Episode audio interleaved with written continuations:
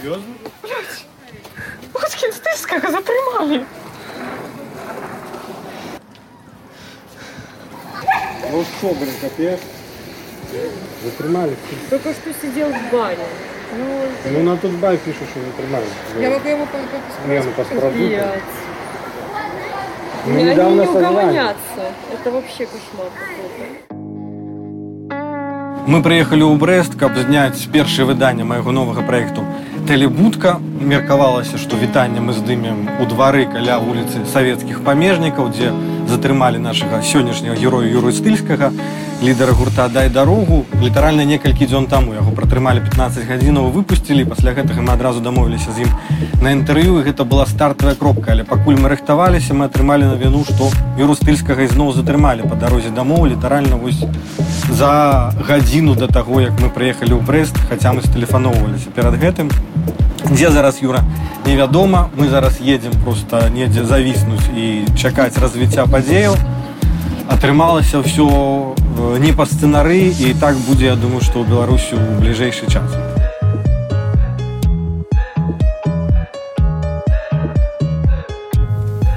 Здрасте.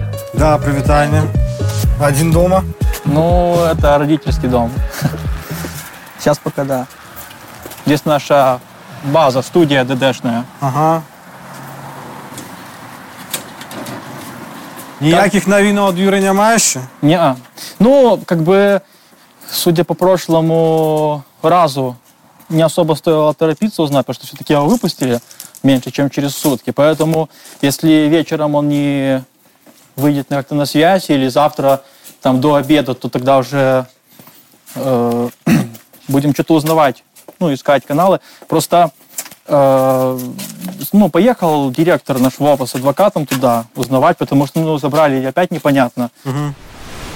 Э, Ты мне скажи асабіста вот э, як ты адчуваеш зараз атмасферу ў горадзе ці табе там реально самому не страшно вот, просто перасоўвацца па вуліцах Ну, как бы, ну, на неделю назад вернуться, там, то, что было 9-10, понятно, было страшно, как бы люди хотели выйти на мирный митинг, и то, что случилось, все знают. После этого, конечно, было страшно, потому что э, после шести вечера у нас вели как бы такой негласный комендантский час, и у меня под окнами ходили 10 вооруженных человек с автоматами. Настоящая, ну, настоящая армия, как показывают те, кто воюет. То есть, конечно, страшно было. То есть, как бы, страшно было где-то, ну, белый браслет одеть, потому что это как бы равносильно высказыванию, ну, высказыванию против. И, честно говоря, было вот вторник, среду, четверг было на самом деле страшно. Пока девушки не вышли на вот эти акции мирные, было страшно, потому что, ну, не знали, что ждать. Ну,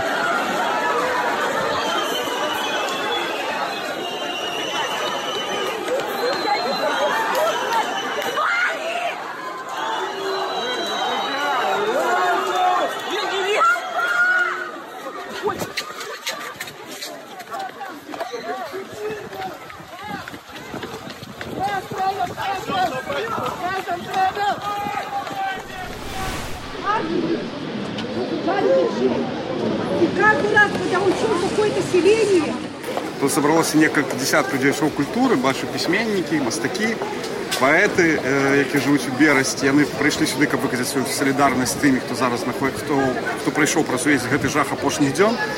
Гаварылі пра тое, што павінен тут быць канцэрт, але ж што, не, нешта здарылася з гукаўзмацняльнай апаратурай, там апаратуры няма. Горад, што нехта баіцца даваць апаратуру. Таму людзі выходзяць, працуе ў фармаце адкрытага мікрафону. Юра Стыльскі тут меўся выступаць не Э, Наконт стыльскага не ведаю, меўся, не меўся, але ж ведаю, што ён затрыманы зараз і больш нічога.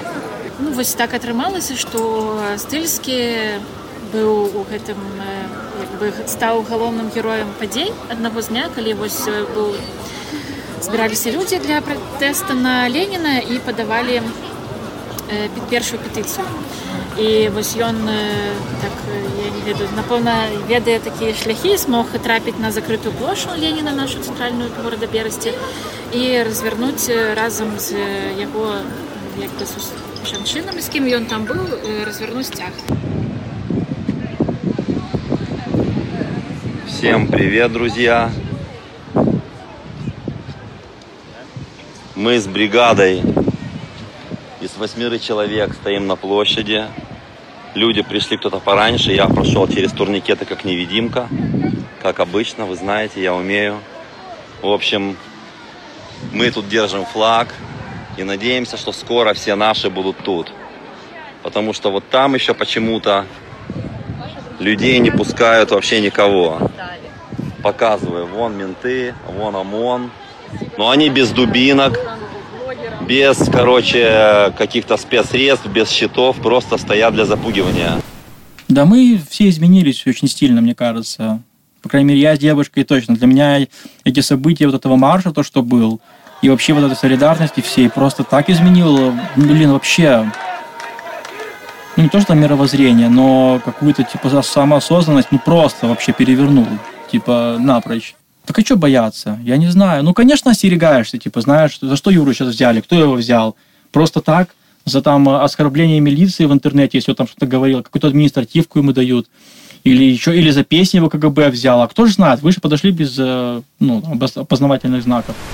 Карацей, думаю, што паслухаўшы людзей я разумею што да канца тыдня яго не выпусцяць тому што ў нядзелю вялікая акцыя ў брэсце і хутчэй за ўсё яго затрымалі э, простое каб ён туды не, не, не сам не пайшоў ні людзей не клікаў у спадзеве што гэта знізіць колькасць людзей Вось Дзіма хочу ця спытаць першая твоя думка вот калі зараз у другі раз затрымалі юру якая была можна матам Можна матом? Ну, яка у нормального чоловіка буде реакція.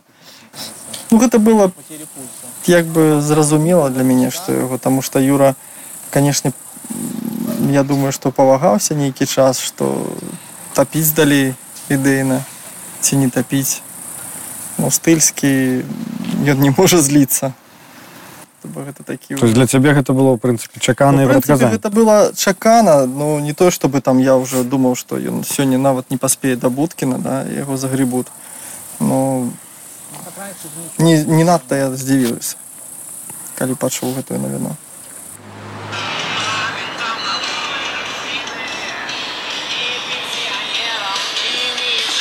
новая песня Не учителям и не докторам, а ментам на новые дубины. Не пенсионерам и не инженерам, а на изготовление резины. Мы зноў у брэсце прыехалі сюды як толькі дазналіся што юру выпусцілі на свабоду гэта адбылося праз два дні пасля таго як мы меркавалі запісаць сваё інтэрв'ю зараз чакаем юру тут на ганку офіса недзяржаўнай арганізацыі дзедзіч Ну вот, наконец. ну убачыліся здорово Ваши документы. Кстати, если за мной были пару тихарей, как бы, и мы спалили хату, то как бы нечему тут не удивляться. хата уже Если давно- сегодня вечером пуп-пуп, десант, блядь, там всем на пол. хата уже давно спаленая Ну. слухай тут уже як ты себя адчуваеш па-першае пасля турмы Ну, здесь, конечно, лучше, потому что, во-первых, август, и, ну, как бы, время такое, что хочется здесь находиться, а не там, поэтому... Но, как бы, я себя почувствовал, вот несколько дней под- подряд я сидел, грубо, ну, в изоляторе, а это подвал, там, где все прокурено, у меня до сих пор, я вот эту майку с этой красной полосой, и День воли, вот мне ее подарили на День воли тогда, я в этой майке был.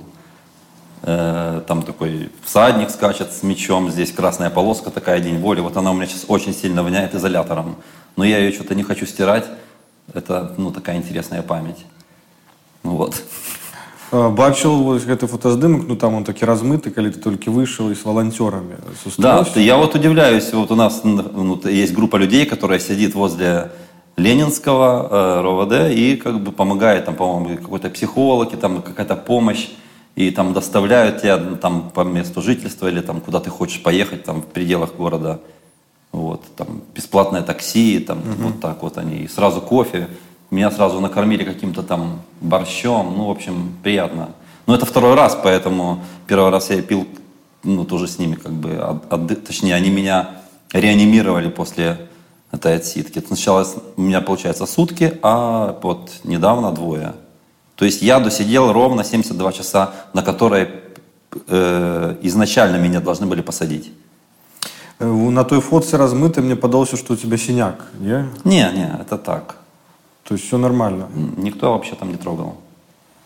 А ты так и сидел вот в майце и шортах, як тебя взяли среди белого дня? Да, да, да. Там только, то есть у тебя есть выбор, скажем, быть вот в этой обуви, в которой у тебя, у тебя есть, только они шнурки снимают, или в арестантских э, таких тапках. Они мне дали тапки, сказали, можешь не расшнуровывать, пускай валяются. Ну, как бы, во-первых, там меня многие знали, потому что когда я только пришел, и там какой-то офицер, не знаю, я удивился, о, кого нам привели. Ну и как-то так. Но они работают э, в рамках своей работы, выполняют там все эти обязанности, поэтому как-то вот ко всем одинаково. Ноги на ширине плеч, туда-сюда, подъем, там, режим, ну и все такое. Тебя, атрымліваецца затрымлівалі два разы за 5 дзён один раз увечары поздно калі ты Да, ну вяртаўся, вот другі меня раз отпу- вот, да, да, удзень. меня можаш отпустили. расказаць як это адбывалася ў першы раз і другі вось канкрэтны момант затрымання Ну, там события были такие, что у них была якобы причина для моего задержания, потому что я был э, в центре площади с бело-красно-белым флагом, это несанкционированный митинг, это административка там, вот. Ну и как бы они конкретно за э, мной заинтересовались, потому что я попал в хроники, мне следователь показывал вот эти фотографии, вот мы стоим восьмером, держим флаг, потом вот этот кордон, который не пускали людей к нам, ну вы события, наверное, знаете. Вот. Ну и я там якобы как заводитель, то есть какой-то там самый ответственный среди этих девушек был. вот. Потом я там еще сходил с рупором, там общался с народом. По ту сторону, грубо говоря, баррикад, когда рядышком со мной стояли ОМОН, ОМОНовцы в масках.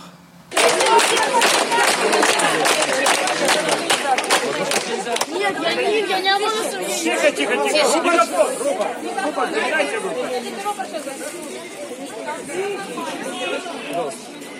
Аккуратно с кнопкой там. Премного уважаемые.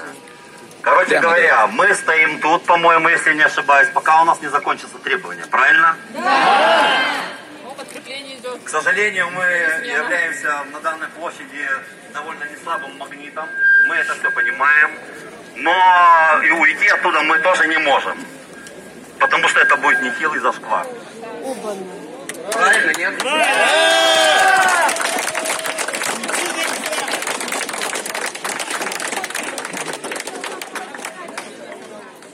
Короче говоря, если наши силы поредеют и все, и на этом наш митинг закончится, мы просто берем флаг и идем со всеми вот туда. А пока мы топим. Если, если у вас закончатся требования, то вам не позвонит, и мы с Богом пойдем. Всего хорошего, за Беларусь!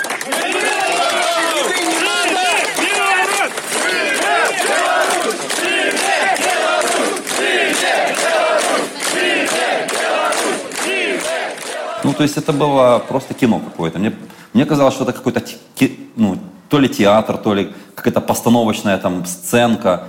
Потому что для меня это было все удивительно. Почему нас оставили в центре площади, когда никого не пускали, а мы стояли вот с таким флагом, блин, как полутой комнаты. Я ну, как бы разговаривал со следователями, задавал им тот же вопрос. Почему нас там держали?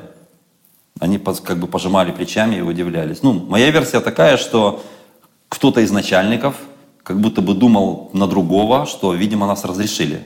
Только почему, не знаю. В итоге мы еще постояли немножко, ко, мне подходит какой-то милиционер, говорит, ну что, типа, вы, наверное, пойдете, потому что сколько уж долго будете народ тут мариновать, и сами тут маячить, как бы. Я говорю, ну да, хорошо, только, говорю, открывайте нам ворота, и мы с почетом уйдем. Он говорит, не-не-не, а он боится, потому что, ну так он аргументировал, что мы как только откроем ворота, народ типа хлынет на площадь, и это типа не в нашей компетенции, ну, чтобы вас тут не было. Ну, типа, они держат оборону, а якобы открытие ворот будет гласить о том, что типа и все ну, хлынут на площадь. И он говорит, давайте вы вдоль, короче, забора, э, вдоль больницы, и вот так потихонечку выйдете. А я такой думаю, ну это же типа зашквар, что ли? Вот так флаг сминать и как-то непочетно, ну как бы с этой площади уходить. Ну и вот пока мы разговаривали, а это было на расстоянии там пяти метров, я этим женщинам, которые со мной стояли, говорю, двинули. Тем самым как бы, то есть дал понять Ам- ОМОНу, который не был осведомлен о нашем как бы переговоре, потому что мы разговаривали вот так вот, как мы с тобой, а ОМОН подальше, он не слышал ничего. И они подумали, что мы, что мы договорились, что ворота открывать, потому что мы шли прямо на них. И они нам открывают ворота, блядь, это кино просто какое-то. Они нам открывают ворота, этот мент не знает, что делать, ну, а ворота уже открываются, они там раздвигают эти все, ну, то есть этот забор.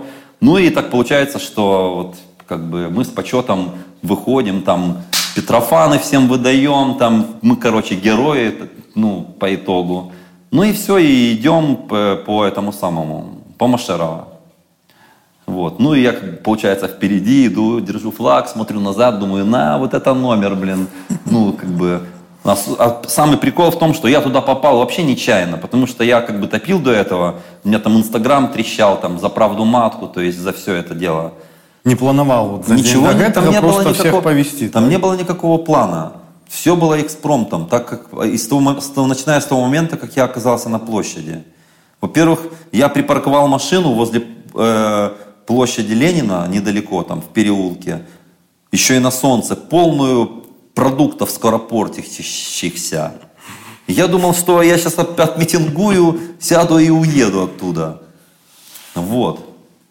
И получается, пошел на площадь, постоять с народом, смотрю, площадь закрыта, думаю, нужно же как-то пробраться. Смотрю, там пару человек стоит, думаю, я что, хуже их. И в итоге я, грубо говоря, не знаю, обманным путем на самом деле попал на площадь, и потом вот как бы вышел оттуда. А як ти попав на Чепліну? Ну вот я вот могу рассказать, что я подошел к...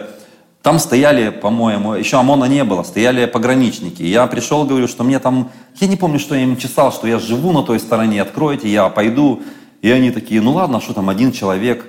И один кто-то и меня узнал, там, Юра, привет. И он подумал, что типа, ну, типа какие-то полусвои, я не знаю. Он открыл, и я пошел. А там уже стояло семь женщин. Просто стояли, с утра туда пришли стоять. Я чуть-чуть попозже. Вот. А они, они эти вот заборы поставили там в час дня. То есть, грубо говоря, в 12 или там в 11 никого не было. И не было никаких турникетов. То есть не было никаких заборов. Вот, в итоге я туда прохожу, говорю, девочки, привет, как вы тут оказались? Они говорят, а мы раньше пришли, мы рады, мы, мы рады тебя видеть, вся фигня, там одна девушка меня какая-то узнает, вы знаете его, и мы там ля, лясы давай точить, познакомились вот со всеми. И самая маленькая, если я не ошибаюсь, ей лет, наверное, 17-18, ну так с виду, может она и постарше как бы, достает из рюкзака этот флаг. И я такой, да ты что, блин. То есть это был какой-то судьбоносный такой момент у нас. То есть не просто там какой-то там 2 на 2, точнее 2 на полтора там или там, не знаю, метр там на метр, а просто там 4 на 4. Вот такое, что мы его растянули, вот, ну, вы, вы видели.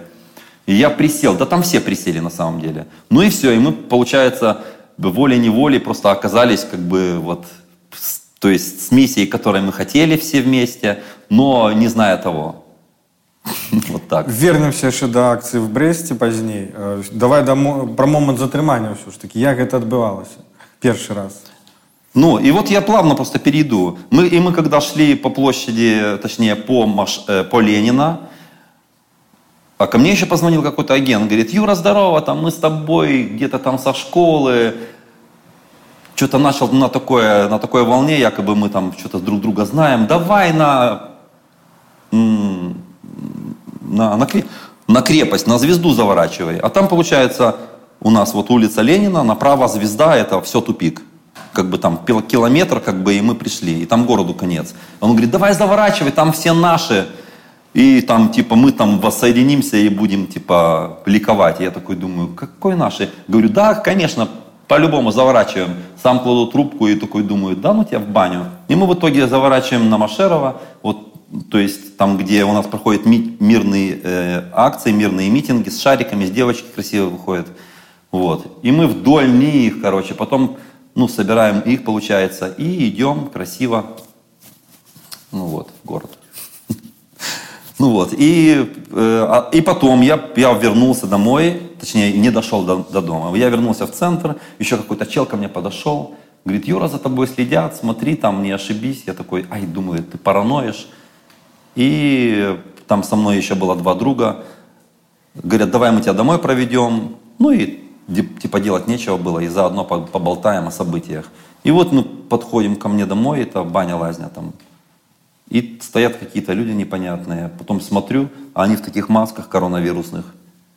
Молодые люди, ваши документы. Ну, в И- цивильном, наверное, так? Ну, Вот, вот как мы с тобой. Мгм. Один даже в шортах стоял такой. Я думал, пацаны какие-то.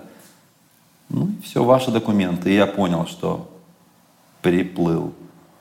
И все, и как бы потом еще с двух сторон еще два подошло. Один сует мне сразу документ, Ленинский РОВД, там что-то там какой-то капитан там или кто, я не помню. И второй вот справа, Юрий Иванович, это вы? Я такой, да. Хоп, меня под руку сразу так плотненько. Вы задержаны. Там для выяснений там каких-то. И все, мы садимся на какую-то легковую машину, едем в Ленинский. Там я встречаю, как уже позже я понял, что В это... машине некая размова отбывалася? Ну что вы там лезете, блин, там на рожон? Как вы уже утомили, блин, надо вам это? Ну все в таком духе. Вы не переживайте, мы сейчас вас отвезем, пару вопросов, поедете домой.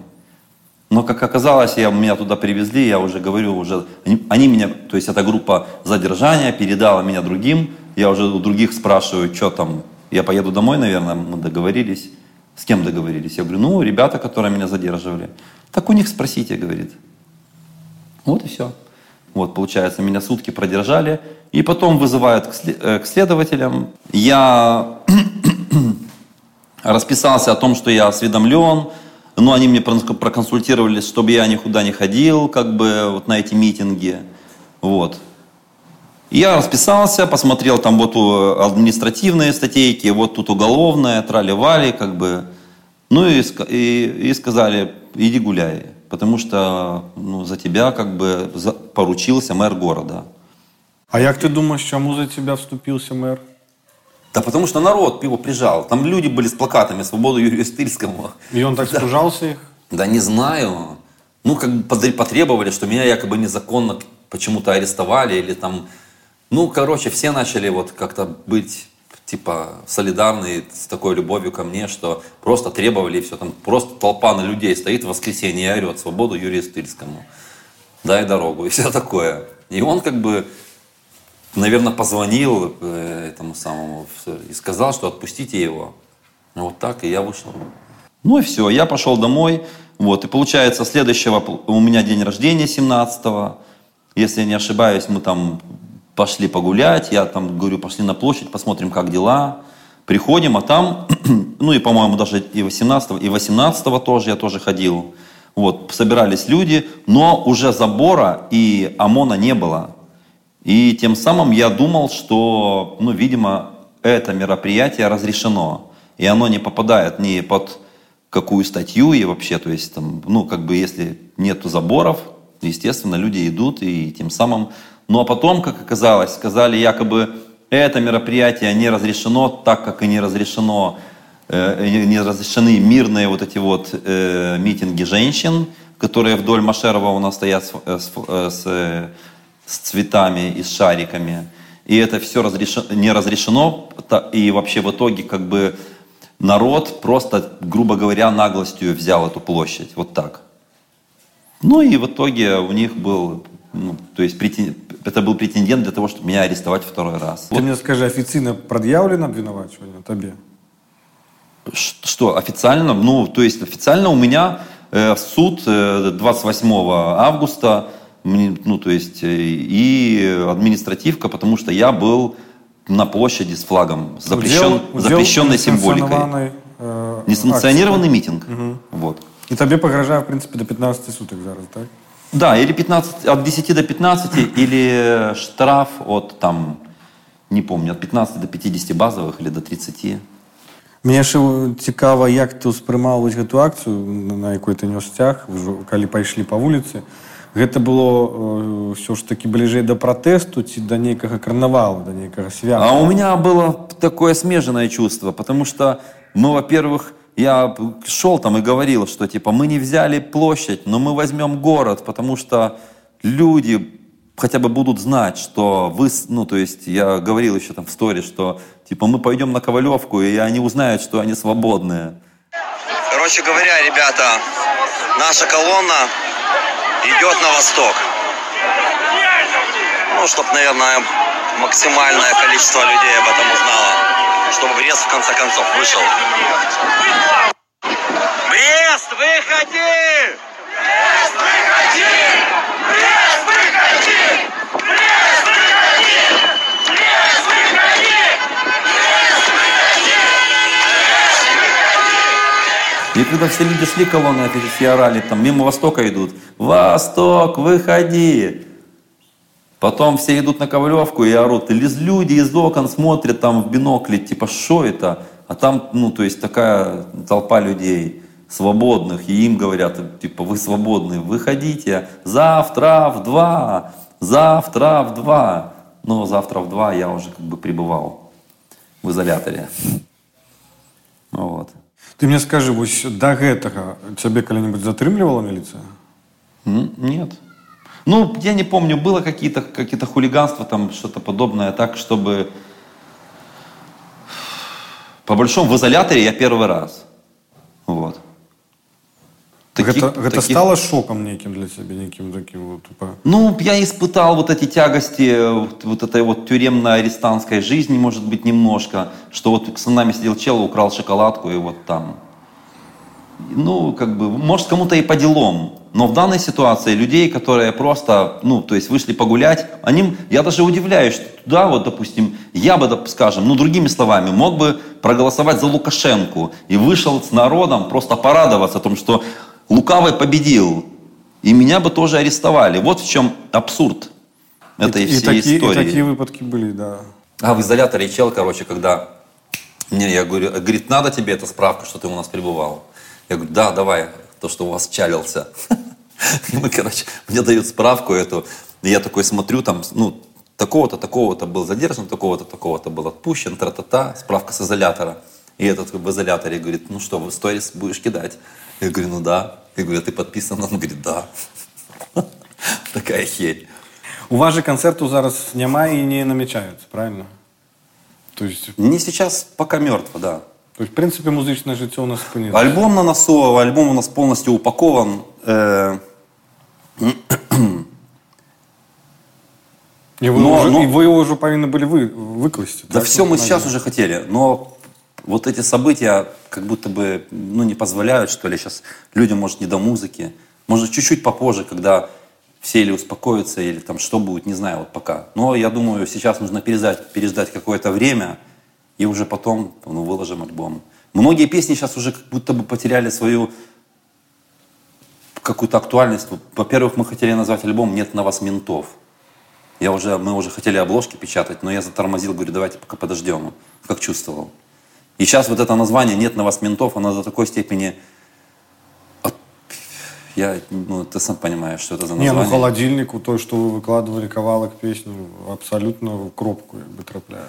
Нет, холодильник, да, нормально. И то он припев спет в мажоре. И в очень сильном таком задорном. А здесь показывать, как людей калечат под такие веселые ноты. Ну, это протестный мажор. Ну мажор да. может быть Но все же, как бы я сейчас изменил бы немножко и музыку, и там где-то и текст подкорректировал. Потому что я вот недавно, я видел, как Лявон Вольский и группа Крамбамбуля играла «Хей, ла ла ла лей эту веселуху, когда, то есть параллельно, блин, там просто какие-то опухшие ноги, трупы, и я смотрю на эту веселуху и думаю, блин, я не могу это смотреть, как бы. Я это видел вчера. Ну, як ставишь Да. Ну, довольно смело, как бы, но у меня к ним вообще другой был бы вопрос. Могу озвучить, как бы. Так.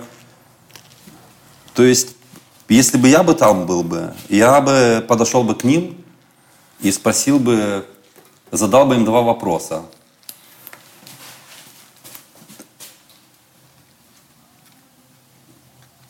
Ну, хотя, наверное, один. Я спросил бы у них... А, я бы им сказал, во-первых, что они все очень сильно боятся, и я бы это им доказал. Я сказал бы, если вы не боитесь, снимайте шлемаки, нахуй, ваши, блин, эти все шлемы и маски.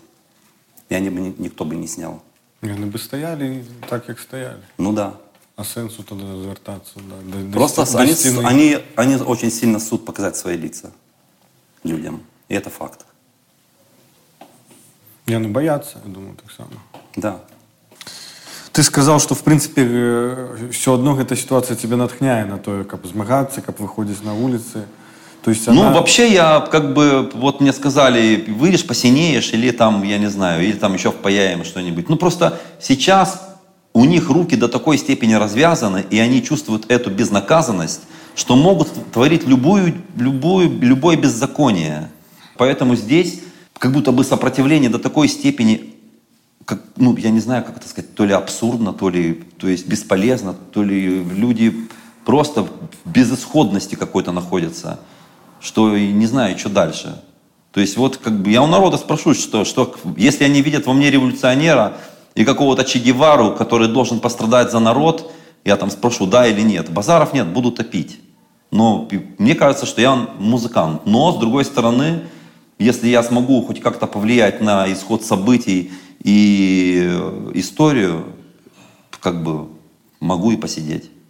А ты готов взять, то есть ты уже взял на себя некие полномочия, вот, когда вы- вышел с этим мегафоном. Так сейчас я звезда, я хожу на улице, блядь, меня все обнимают, тетки, бабки.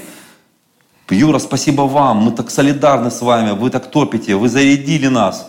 Маша там нарисовала меня суперменом такой, я иду, короче, сзади бело-красно-белый флаг развивается. Ну, грубо говоря, по истории все. Я вельмі здзівіўся калі пачуў навіну што стыльскі ўзначаліў калону ў брэсце ты ж раней у акцыях э, пратэсных не ўдзельнічаў наколькі я ведаю что тебе привело вот э, что да тебя я вывело, начал да? интересоваться больше историей, которая вот начиная с 94-го. Я как бы знал, что этот Захаренко пропал, что как бы как много политиков пропало, что этот Гончар, вместо которого сейчас Ермошина керует. Ну и вообще это несправедливость.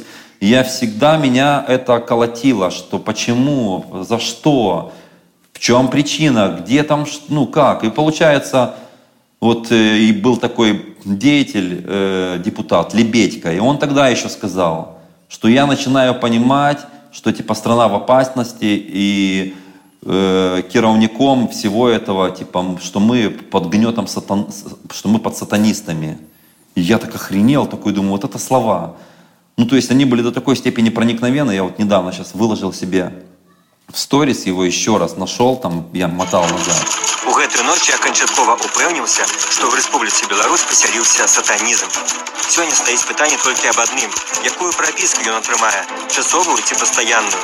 Потому что я начал выдергивать какие-то хроники старые, еще такие записи на видеокассеты люди записывали, как парламент сидит внизу, они э, голодовкой, типа забастовку свою решили э, сделать, а Лукашенко сидит сверху, с них ржет, типа там, что вы добьетесь? И они в итоге, по-моему, два или дня, или сколько там им еду приносили. Потом пришли силовики, просто их силой там с автоматами, с пулеметами выставили и все. И, грубо говоря, он поменял всех. И это был такой переворот. И потом, получается, Захаренко ушел в оппозицию, потом исчез. Ну и тому подобная история. але ад самих акцый протесту ты дыстанцыянаваўся ты ў іх не удзельнічаў. Ну, меня как-то эта сила, как бы я больше выплескивал это все в песнях, там вот у нас много там песен, там Саня, там Патрульный мент, там 10 миллионов рабов. Как бы я вот так себя проявлял. раней да О- там, о том, как- ты такой был по панку такому да то есть то есть ты не признавал ніякай улады правильно Да дело в том, что э, я не помню вот этот именно переломный момент, но, скажем, э, вот эта вот э, ситуация, когда моя мама, у которой э, орден ветерана труда, и она ездит на тележке и, и сдает макулатуру, вот тогда, то есть во мне уже что-то шевелилось, и я понимал, что так не должно быть. Где же все-таки справедливость, почему так происходит?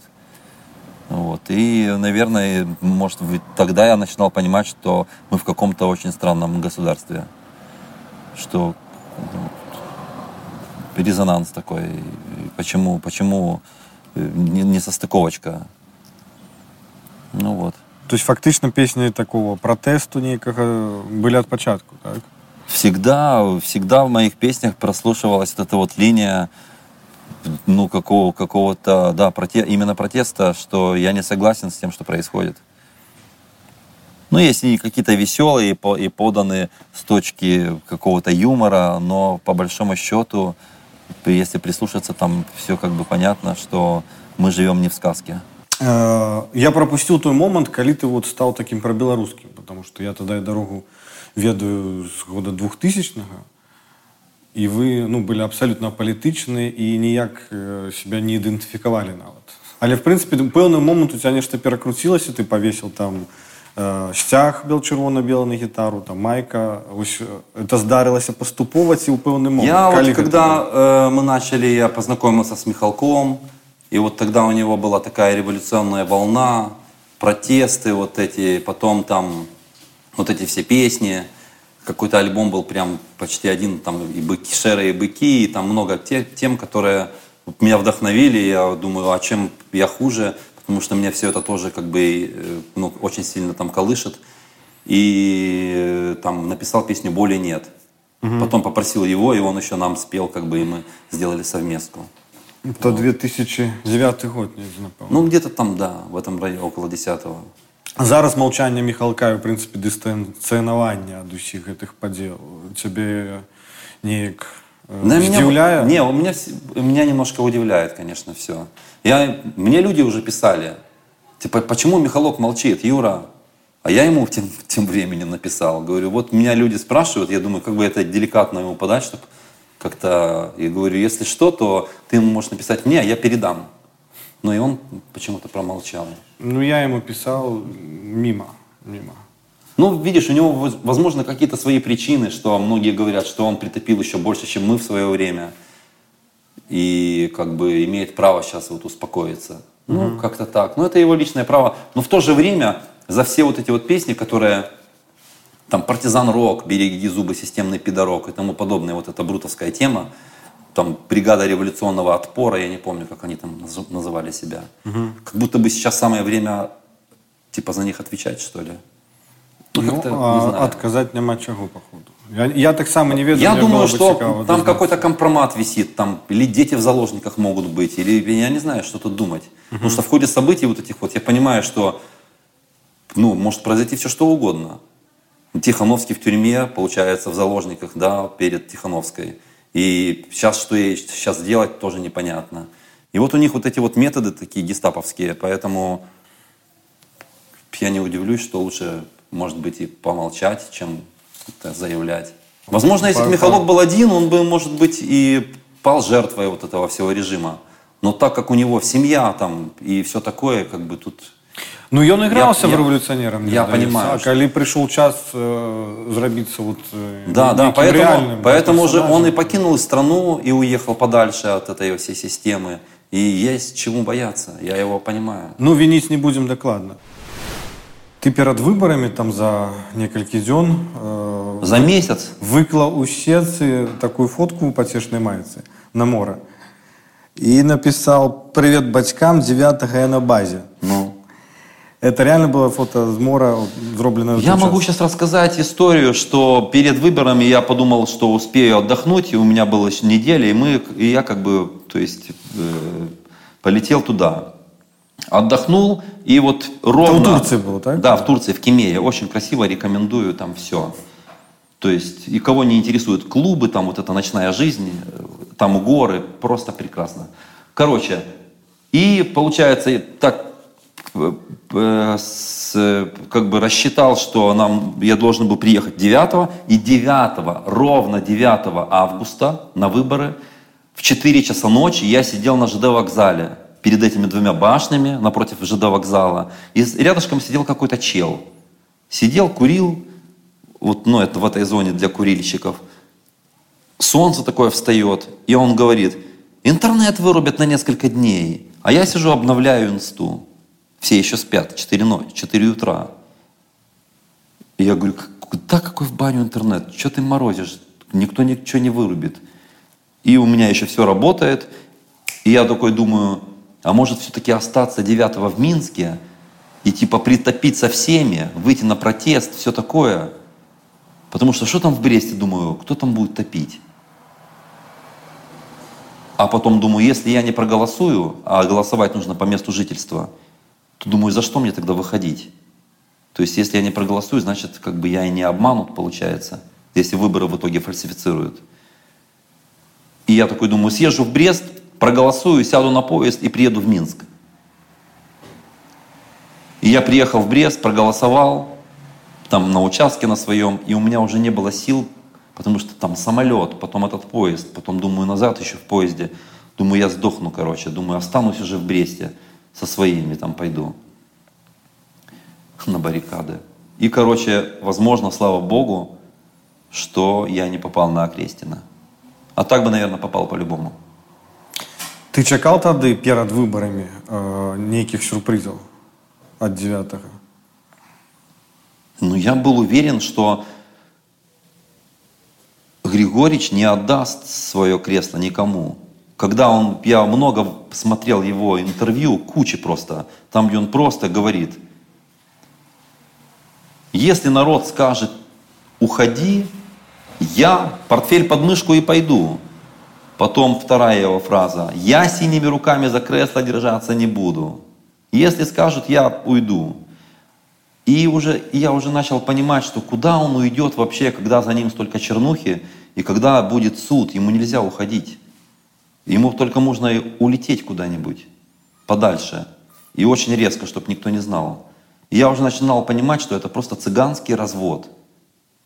Ну, типа расположить к себе, якобы он такой честный, добрый, очередной раз. Вот такая херня. И я уже начинал понимать, что все это просто, ну, то есть, как обычно его слова, начиная с 94-го. И все, и, короче, уже тогда я ожидал, что что-то тут будет не то. И как узнал, что 82%, я уже понял, что все, он просто нассал людям на голову так, блин. И, короче, думаю, как это так? И думаю, неужели народ это схавает? Ну и потом эта вся вот волна. Як ты сам адчуваеш вось за гэты час пасля 9 ці ты сам неяк змяніўся Я не знаю, как, может, из- ну, скорее всего, да, изменился. Какой-то посерьезнее, что ли, стал, не знаю. Потому что мне все казалось до этого какие-то хихоньки, хахоньки, трали-вали, какая разница, какая разница. А сейчас я понимаю, что нифига, никакая разница. А, ну, еще до того, до выборов, как бы я вот интересовался этой историей, топил, блин, как мог в Инстаграме, когда и удивлялся, почему люди вот сейчас, когда уже такое пламя, блин, все впереди, так, ну, то есть как-то э, события разворачиваются очень, как будто бы очень горячо, и меня удивляло, почему люди до сих пор выкладывают там еду, рыбалку, еще что-то. Я не в доумении думал, в чем дело, в чем дело, что за херня, где, блин, правда. И когда начал понимать, что людей уже обманули, что, э, то есть, ну, как-то, как будто бы я чуть ли не спать перестал. Ну, я бы казалось, что я, не знаю, если вот многие мои друзья молчат, то я должен сказать это за них. Ну тебя здзівілі брэсцкія людзі якія в такой колькасці па- пасля такіх падзеяў калі іх жорстка ганялі іх стралялі па іх узялі і выйшлі Но все равно, я считаю, что мало. Я вообще думал, что обязанность каждого брещанина после своей рабочей смены, какой бы она ни была тяжкой, выйти на два часа на площадь и постоять. Но вот так как я вот, помню, выходил и смотрел этот вот после первого изолятора, как бы, ну, тысяча две, я думаю, блин. И мне вот менты сами говорили, Юрий Иванович, ну да посмотрите, вот ваши 3% на площади стоят каждый день. Вот так. И когда вот, то есть я видел это количество, я понимал, что или они запуганы очень сильно, что естественно, или просто они уже так до такой степени почувствовали себя рабами, что типа уже просто сложили свои мечи, типа и точнее не мечи, я не знаю, что, как это назвать. Вот наше оружие, это телефон, грубо говоря. Сложили все, все свои, как бы, все свое желание бороться и просто, блин, приняли такое вот рабское положение. Вот так. А як твои бацькі паставіліся да, да таго што з тобой было Мама не, вообще не в курсе, что я где-то отбывал. Вообще не в курсе. Я, обычно люди звонят и говорят, передайте маме, что со мной все в порядке. А так как я маму навещаю, там бывает, там, а каждый день пытаюсь, но иногда пропускаю. Там иногда и два дня, допустим, не появлюсь. И вот я наоборот просил, чтобы мама моя была не в курсе, где я нахожусь, чтобы не переживала. То есть она дагэтуль не ведаеш Вообще не ведала. То есть я отсидел, получается, первые сутки в изоляторе, позвонил к ней. Мама, как дела? Она говорит, Юра, слушай, говорит, а тут бабки говорили, что люди твои фотографии в центре носят. Я такой думаю, ну, Ничего себе, думаю. А получается так, что люди не мои фотографии носили, а транспаранты «Свободу Юрию Стыльскому». Просто пока шли, дошли слу- слухи до моей мамы, они немножко исказились. Ну и что-то там... Ну вот она мне подала такую информацию, что люди там твои фот- фотографии носят в центре. Я, ты какой-то там герой. И я такой, да, это все ерунда. Типа там у нас просто группа известная, тролливали. Ну и вот мама вот так вот порадовалась за меня. А потом, когда, на потом, когда меня посадили еще на двое суток, я как бы приехал сразу, позвонил маме, и она говорит, ой, куда ж ты пропал, там, где, где тебя там носит? Я сказал, что там, не знаю, я ей говорю, что я ездил, ездил на концерт э, за границу, и все, и она мне верит. Ну и что? Что расстраивать? Е, Меня неяк уразіў ваш такі флешмоб сеціўны напэўна Е, ну вось е, там была гадавіна е, расстрэлу 37-го і вы А, прапанавалі я, по- падумаць я немножко помню, что мы просто повесили именно в эту дату, когда были расстреляны белорусские Да, письменники. да, Да. і прапанавалі типа прыкінуць калі б у гэты час было да то то каго прастралялі зараз Помню, помню, Вот, да. вот. Ну и это люди было- начали писать, там и Михалка, и меня расстреляли бы, там и очень много там людей, и там и Левона тоже бы расстреляли. Ну как-то, ну это на- факт, Так. по-другому бы и не было. Я для чаго якія вось падзеі э, з гісторыі беларусі я, я так разумею ты па- пакрысе адкрываеш сваю Беларусь вось гэту э, цябе асабіста ў- узрушваюць якія асабіста для цябе важныя то есть яны могуць быць і трагічныя і гераічныя вось назаві тры падзеі 37 явно сюда входзіць так уваходзіць Ну нет, это несомненно, как бы, но что еще, именно, ну, наверное, 41-й. 45 41 45 да. Это война, когда погибло столько людей. И, и сейчас, получается, вот эти события, которые всех просто поставили ну, в какое-то странное положение. Приход Лукашенко, 94-й. Э, Як ты сам для, для сябе адкажаш на пытанне як тут жыць далей Фу, блин, только стиснув зубы, как в концлагере. Я не знаю. Вот, вот у меня вот сейчас такое ощущение именно такое. Я не хочу посеять в людях э, пессимизм такой и сказать, что типа давайте будем умирать потихоньку, резать вены, спрыгнуть, пры- прыгать с крыши. Но пока мы находимся здесь, как будто бы мы находимся в какой-то изоляции, какой-то, ну я другими словами не, назову. Возможно, э, умные уедут, те, у кого есть возможность, покинут страну. Я знаю уже, наверное, человек пять, которые сказали, мы не согласны, мы не, мы не сможем здесь жить, и уже типа намыливаются. А некоторых как бы там какие-то кредиты держат, еще что-то, а они вот как будто бы в плену. а ты сам Я не хочу никуда уезжать.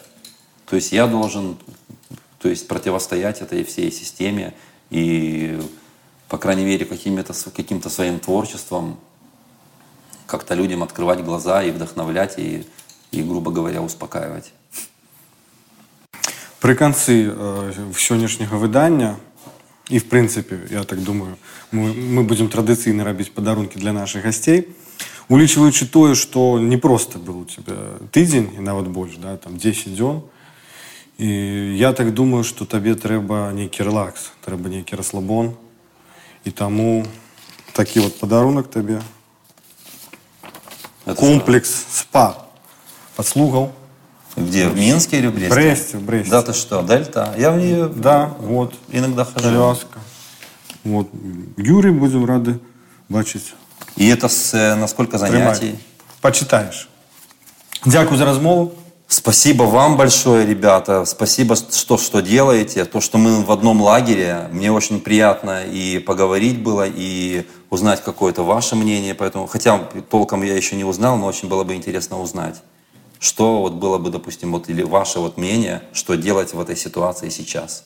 Юра, ну ты стал прыкладам таксама для людзей, прыкладам нейкай такой мужнасці, гераізму вось падчас гэтых падзеяў.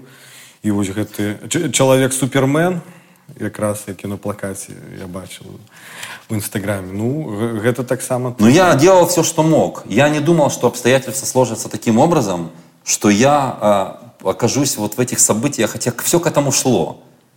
Потому что мне потом Вова говорит, Юра, ты как мессия какой-то. То есть это было твое предназначение быть там в это время.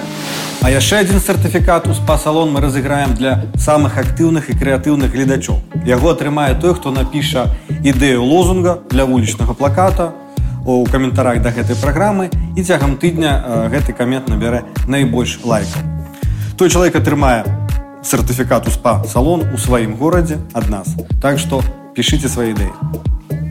Ну от пасля ізалятара слухай якраз і трэба ісці в спа, потому что ты згодны каб выдохнуть, каб э, просто тебя помяли не дубинами, а Я, нормальный, кстати, я, нормальный я, тайский кстати, массаж. когда вот этот вот пост писал, самое красивое море, самый там красивый загар, и сделал фотографию с Кемера вот с этого.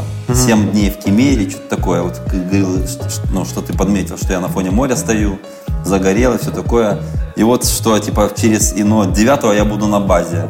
Я думал еще дописать такие строчки, типа, в изоляторе я буду самый красивый. Ну, я думаю, ай, думаю, еще, на, еще накликаю беду. Вот такой прикол.